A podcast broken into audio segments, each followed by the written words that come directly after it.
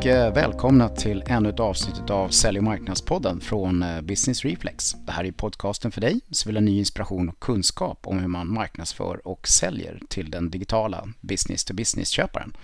Jag som gör det här avsnittet idag heter Lars Dahlberg. Att varumärken är viktigare än någonsin, det har vi pratat om tidigare i Sälj och marknadspodden.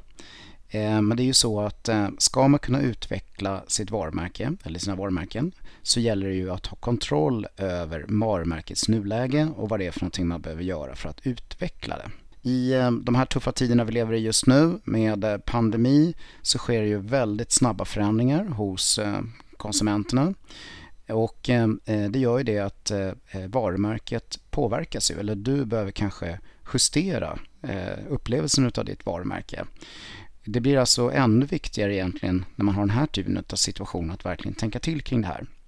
Och för att eh, ni då lättare ska förstå hur det här går till eh, egentligen, att få koll på sitt varumärke och vad man behöver göra så har jag eh, gjort en intervju eh, med en person som heter Karin Hedelin Lundén som jobbar på undersökningsföretaget Origo Group. Så jag tänkte helt enkelt så här att eh, vi hoppar över till intervjun med Karin. Ja, då skulle jag vilja säga varmt välkommen till Sälj och marknadspodden, Karin Hedelin Lundén. Tack! Jättekul att få vara med här idag. Ja, det är så roligt att eh, vi fick med dig. Eh, vi känner ju varandra lite grann sedan tidigare, så när vi diskuterade det här eh, Sälj och marknadspodden, att göra det här avsnittet, så kom vi direkt att tänka på dig och jättekul att du ville ställa upp. Ja, men det känns verkligen roligt. Det här är frågor som jag brinner för. Och eh, nu är det nog så här att lyssnarna är lite nyfikna på vem du är Karin, så du kanske kan säga några ord om dig själv här inledningsvis. Ja, nej men jag heter ju då Karin Hedelin Lundén och arbetar som försäljningschef mot privatmarknaden inom Origo Group. Eh, Origo Group är ett insiktsföretag och vi levererar analys, data, insikter och rekommendationer till företag och organisationer. Och jag har arbetat hela mitt yrkesverksamma liv med frågor kring analys om kunders beteenden och varumärken, insikter och rådgivning till företag. Så det här är frågor som ligger mig varmt om hjärtat. Precis, och det här är ju ett eh, väldigt spännande ämne, men jag tänkte att det som är grunden i alltihopa och varför vi överhuvudtaget tar upp det här ämnet idag, det är ju att eh, det här med varumärke har ju kanske gått och blivit viktigare än någonsin. Eh, men jag tänkte vi skulle börja prata lite grann om, om varför det har blivit så, Karin. Vad, vad säger du? Ja, nej men det är ju lite speciellt då, för varumärket är ju en av företagets viktigaste tillgångar. Men det är ju väldigt abstrakt eh, och många företag investerar supermycket tid och pengar att bygga upp det här varumärket då. Men vad är då ett varumärke? Jo, enkelt förklarat så är det ju en attraktionskraft som ska göra att du blir vald före andra varumärken. Eh, och vi lever ju i en ny, väldigt digital värld och då har man inte så lång tid på sig att bli vald. Det är väldigt lätt att klicka vidare eller scrolla vidare om man inte fångar sin målgrupps intresse väldigt snabbt. Så det gäller att veta vad som driver ens eget varumärke och vad som får kunderna att välja det framför alla andra så att man kan optimera det där. Ja, och då kommer man ju osökt in på den här frågeställningen. Eh, vad är det då som gör så just ditt varumärke omotståndligt och attraktivt då? Precis, det är liksom 10 miljoners frågan. Mm.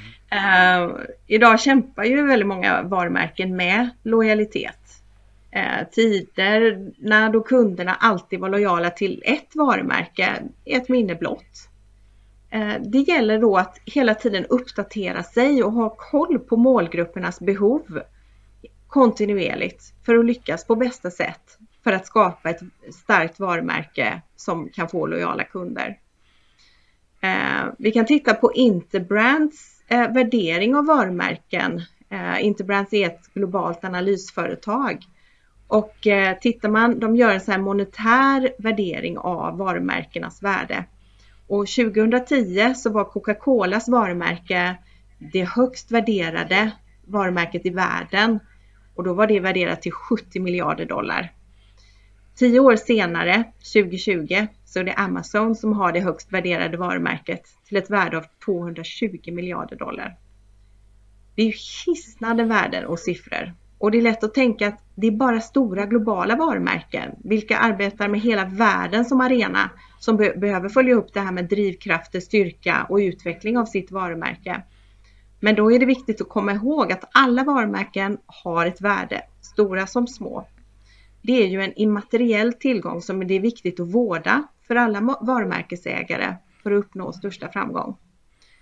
Eh, och för att förstå hur man ska utveckla sitt varumärke över tid så gäller det först och främst att ha koll på sin omvärld och de trender och förändringar som sker där ute.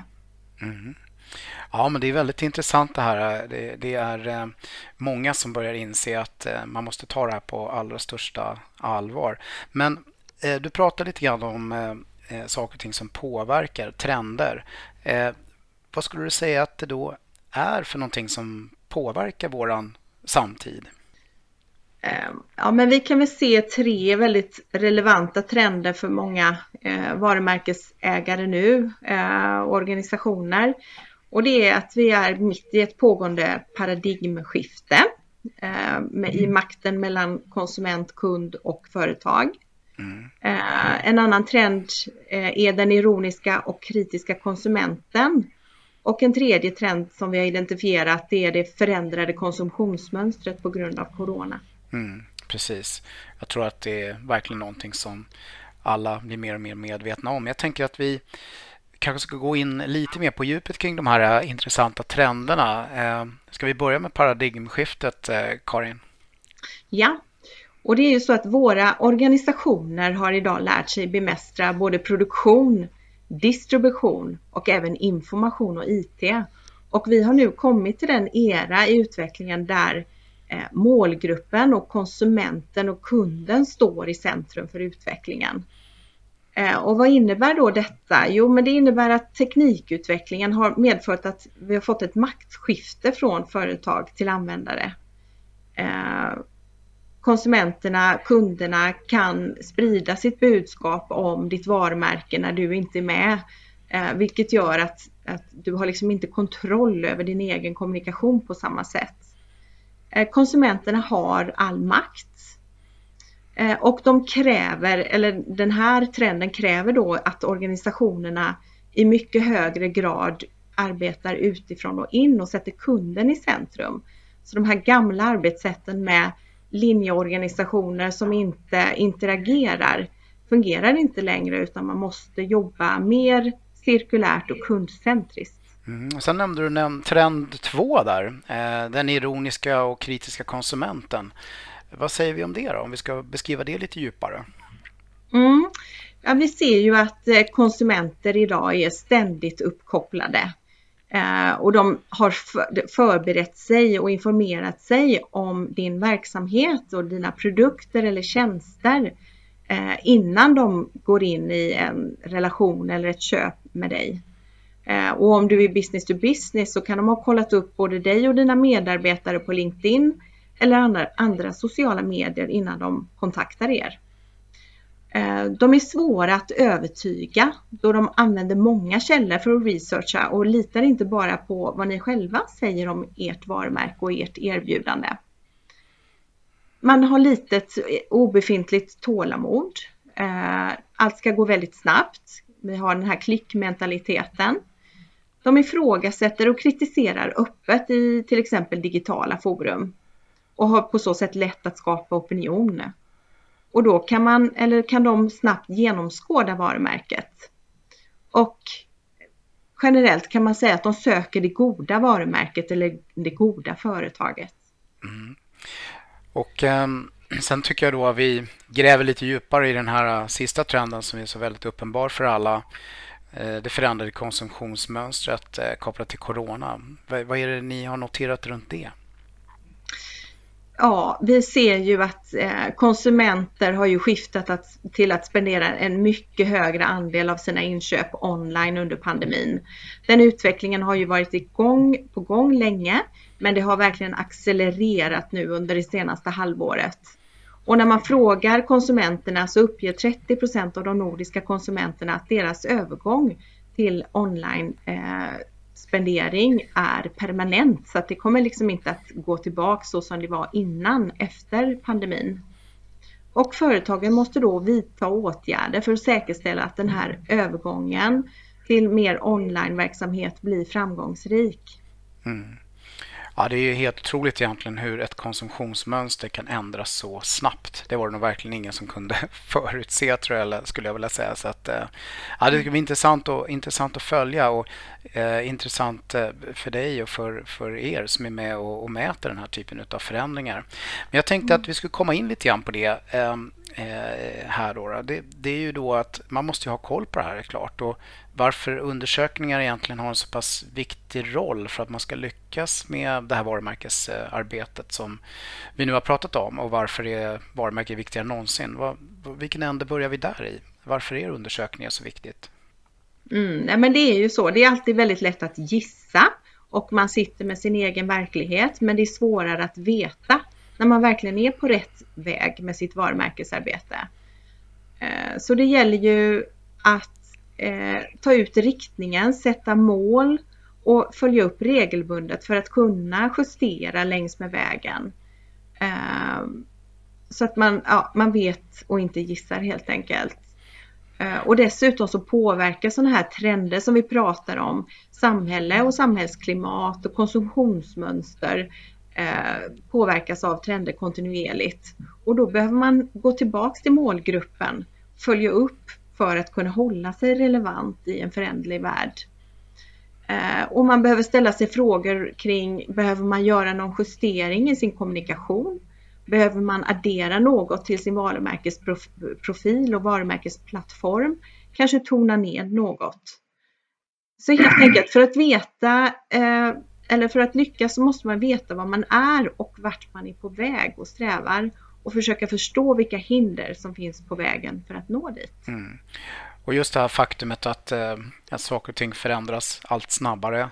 Varumärken blir viktigare och viktigare och nu då när en sån här sak har hänt som den här pandemin. Eh, att man verkligen eh, vågar ta tag i, i det här, den här frågan och eh, vågar, vågar mäta eller vågar, vågar ta beslutet att börja mäta så att man inte mm. blir omkörd eller frånkörd eller, eller tappar mark här nu när, när det har hänt så mycket eh, på senaste tiden. Mm. Eh, men då är det ju så här att undersökningar här, det är ju... Eh, vad är det för undersökningar vi pratar om här egentligen? Vad är, vad är det för typer av undersökningar som man behöver jobba med för att komma åt det här syftet som vi diskuterar här? Mm. Ja men eh, egentligen så, så ser vi väl eh, ja, vad vi kallar för varumärkesresan. Vi, vi liknar varumärkesarbetet med en resa som är att man är i konstant rörelse. Eh, det går inte att sätta en strategi och låta den fortgå år ut och år in och tro att du kommer fortsätta vara framgångsrik och relevant för din målgrupp. Eh, utan vi, vi ser det som, som tre eh, bastyper eh, av mätningar för, på strategisk nivå.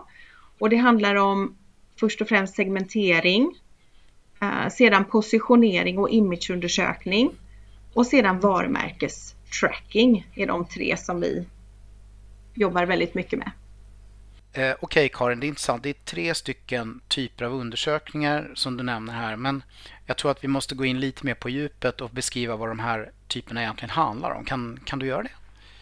Ja, men först och främst då så är det ju hur ser marknaden för mina produkter eller tjänster ut? Hur stora grupper av människor eller företag finns det och vilka är deras behov?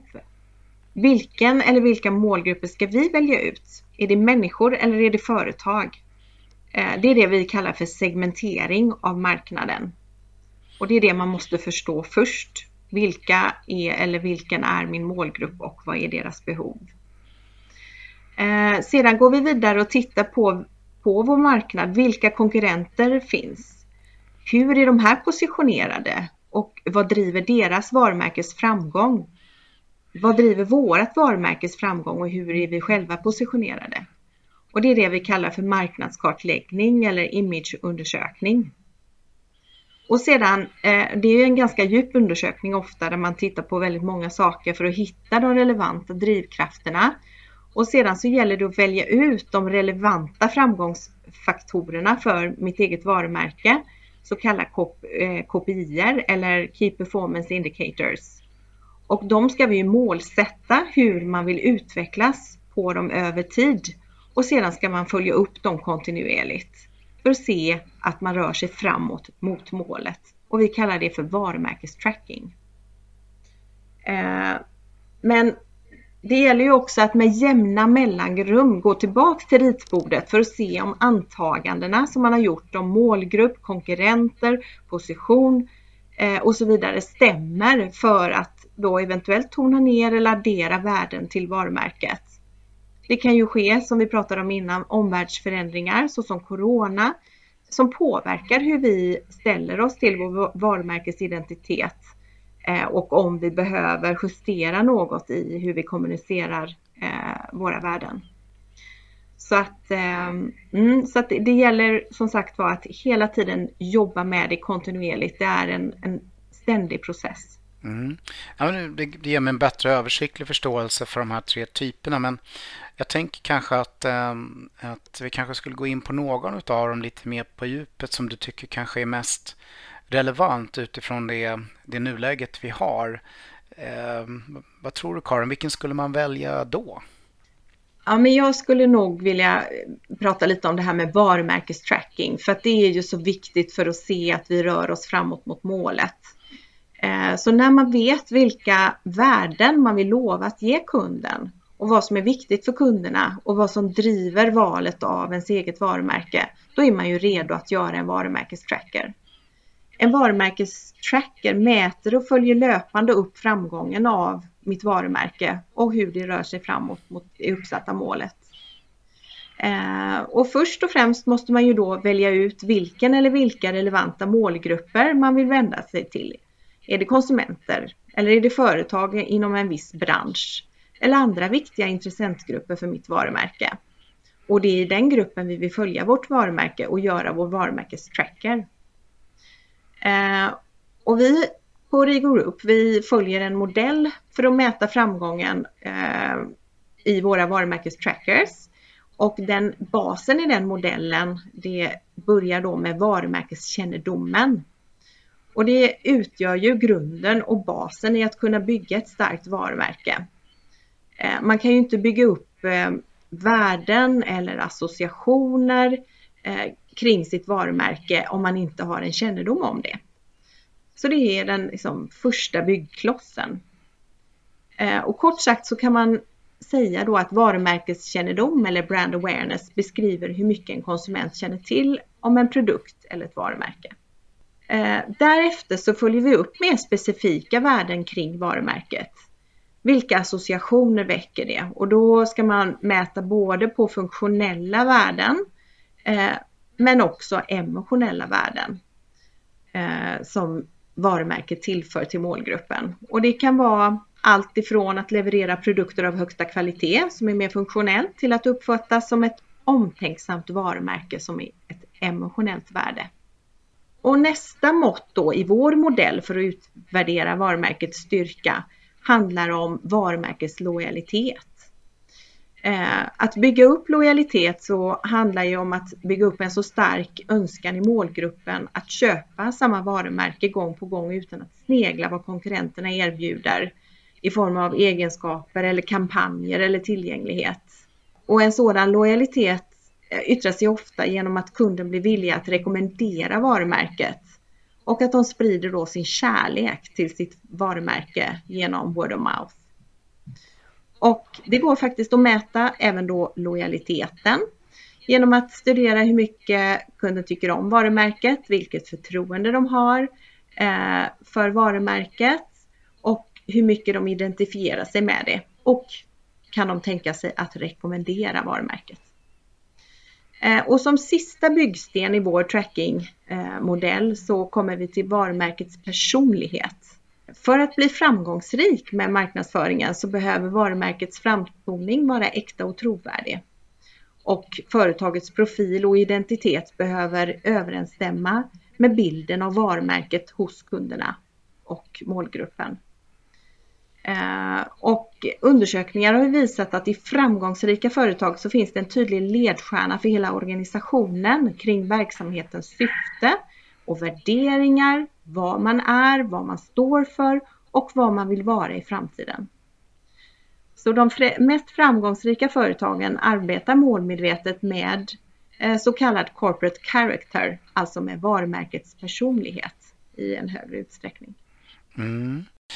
Det är intressant detta. Vad, vad, är då liksom, om du skulle säga någonting mer om det här med varumärkets personlighet, eh, känner jag att det kanske kunde vara bra om vi kunde få lite mera exempel på det, tänker jag.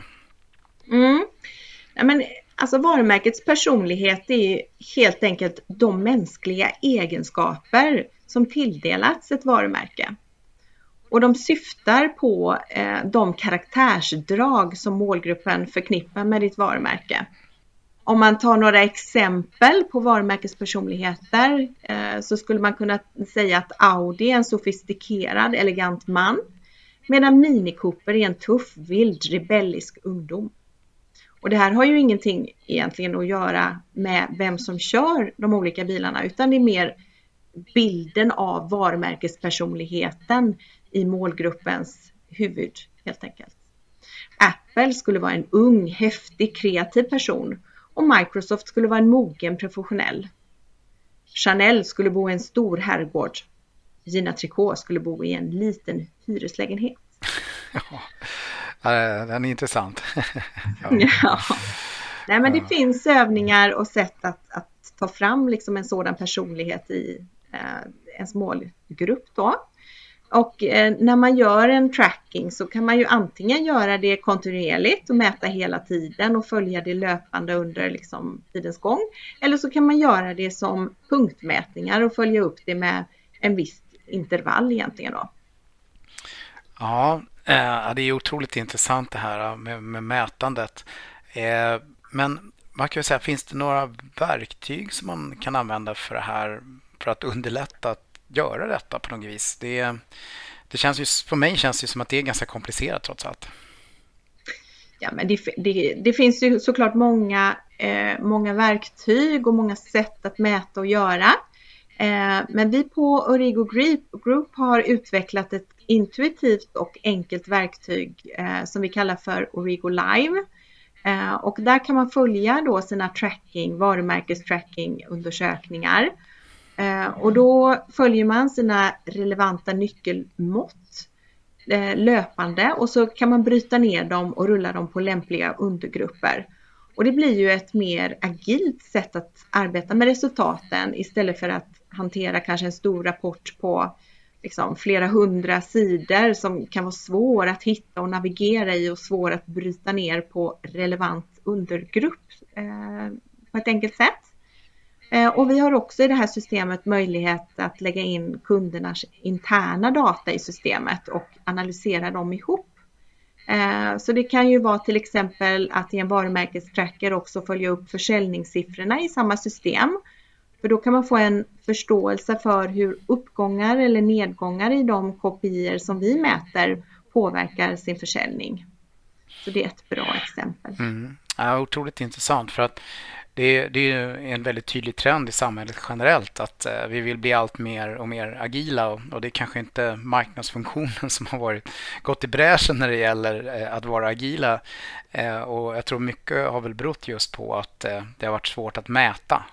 men nu när det blir lättare att mäta och kunna få data på det här sättet som du beskriver så är det lättare även för marknaden att bli mer datadriven och mer agil och fatta beslut faktiskt baserat på på data eh, och därmed kunna driva eh, förändring snabbare. Så att, eh, mm. ja, väldigt intressant. Väldigt intressant.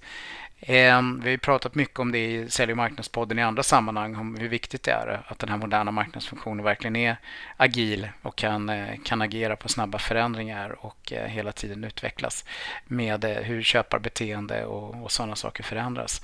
Men du Karin, det var jätteintressant att höra dig beskriva det här. Men om du ska försöka ge några mer konkreta tips då till lyssnarna. Vad bör man liksom göra nu? Om man, man sitter och känner här att eh, varumärke är väldigt viktigt och nu händer det väldigt mycket saker i vår omvärld. Om man skulle behöva ta tag i den här frågan, vad, vad skulle du säga då? Vilken ände börjar man i? Mm. Ja, men jag tycker ju att man ska börja internt och göra en intern nuläges inventering helt enkelt. För ofta är det så att eh, man någonstans har gjort någon jättespännande analys eller insikter. Eh, så att man samlar ihop det man har eh, i form av insikter och strategier och, och så och sätter ihop ett tvärfunktionellt team internt för att, att se då, har ni startat med någon sorts varumärkesstrategi? Har ni börjat tänka på varumärkesplattform som innehåller ert varumärkeslöfte och er varumärkespersonlighet? Helt enkelt, vad vill ni erbjuda till marknaden och varför? Så att man börjar och gör hemläxan internt först. Eh, och sedan så kommer ni kanske då till det steget att ni börjar titta, vad är det ni saknar för information eller insikter för att komma vidare med att lägga en bra strategi eller sätta en varumärkesplattform. Eh, och då eh, behöver ni ju samla in relevanta insikter och det kan ni göra med interna medel eller så kan ni ta hjälp av någon extern partner för att få de insikterna ni behöver för att eh, eh helt enkelt förstå eh, hur ni ska sätta er plan och vilka mål ni ska sätta. För sen så gäller det att välja ut de viktigaste framgångsfaktorerna för att göra just ert varumärke framgångsrikt för att då sedan följa upp dem.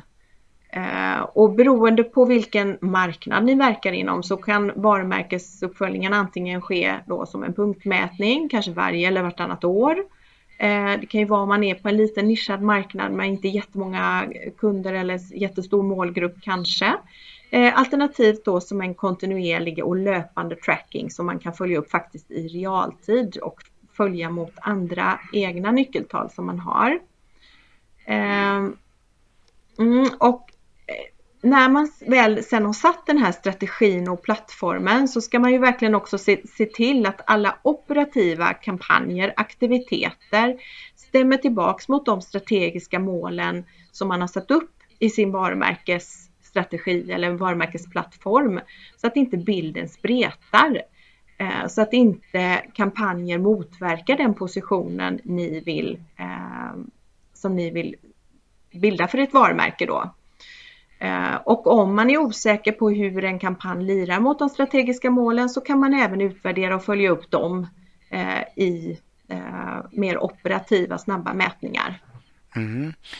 Ja, det var en eh, gedigen tipslista här hon fick. Eh, det var liksom steg för steg här hur man ska gå tillväga. Ja, jättebra. Eh, och Det kan ju vara att en del lyssnare har lite mer frågor runt det här kan jag tänka mig. De här tipsen hur man kommer vidare. Så då funderar man kanske om man kan få tag på dig då Karin. Och hur gör man detta då i denna digitala värld vi lever i? Ja, men alla är såklart hjärtligt välkomna att kontakta mig eller någon av mina kollegor på Origo Group och så kommer vi hjälpa er vidare i att analysera ert nuläge och ert önskade framtida läge eh, och hjälpa till med att lägga en plan för hur ni kan följa upp att ni rör er mot målet. Eh, vi finns ju då på LinkedIn, Origo Group och vi har en hemsida, eh, origogroup.com. Jag finns på LinkedIn, Karin Hedlin Lundén. Eh, och på våran hemsida så har vi också eh, mer information som man kan eh, ladda ner. Eh, det finns under menyn läsvärt. Där finns det varumärkesguider. Vi har ett webbinar och vi har varumärkesskolan i olika steg och delar som vi har som material som man kan ladda ner där. Och eh, vill man komma vidare så eh, är det ganska lätt att få tag på dig, helt klart. Ja, eh, Karin, ehm, det är alltid en utmaning har vi lärt oss under den här pandemin att spela in poddar på distans. Men nu har du och jag faktiskt gjort det. Eh, och det, tekniken har varit med oss, känns det som. Och det har fungerat bra. Du i Göteborg och jag i Stockholm. Absolut, det funkar hur bra som helst. Ja, och nu är det ju faktiskt så att det är fredag eftermiddag också när du och jag spelar in det här. Så, att, så jag tänkte bara säga då ett jättestort tack till dig för att du eh, tog dig tid och, och var med i Sälj marknadspodden kring detta viktiga aktuella ämne. Eh, och så får jag ju naturligtvis tillönska dig en jättetrevlig helg. Eh, och eh, till eh, alla då eh, ni som är där ute och lyssnar på Sälj marknadspodden så vet ni ju att vad ni än gör där ute så ska ni alltid se till att vara relevanta. Tack och hej!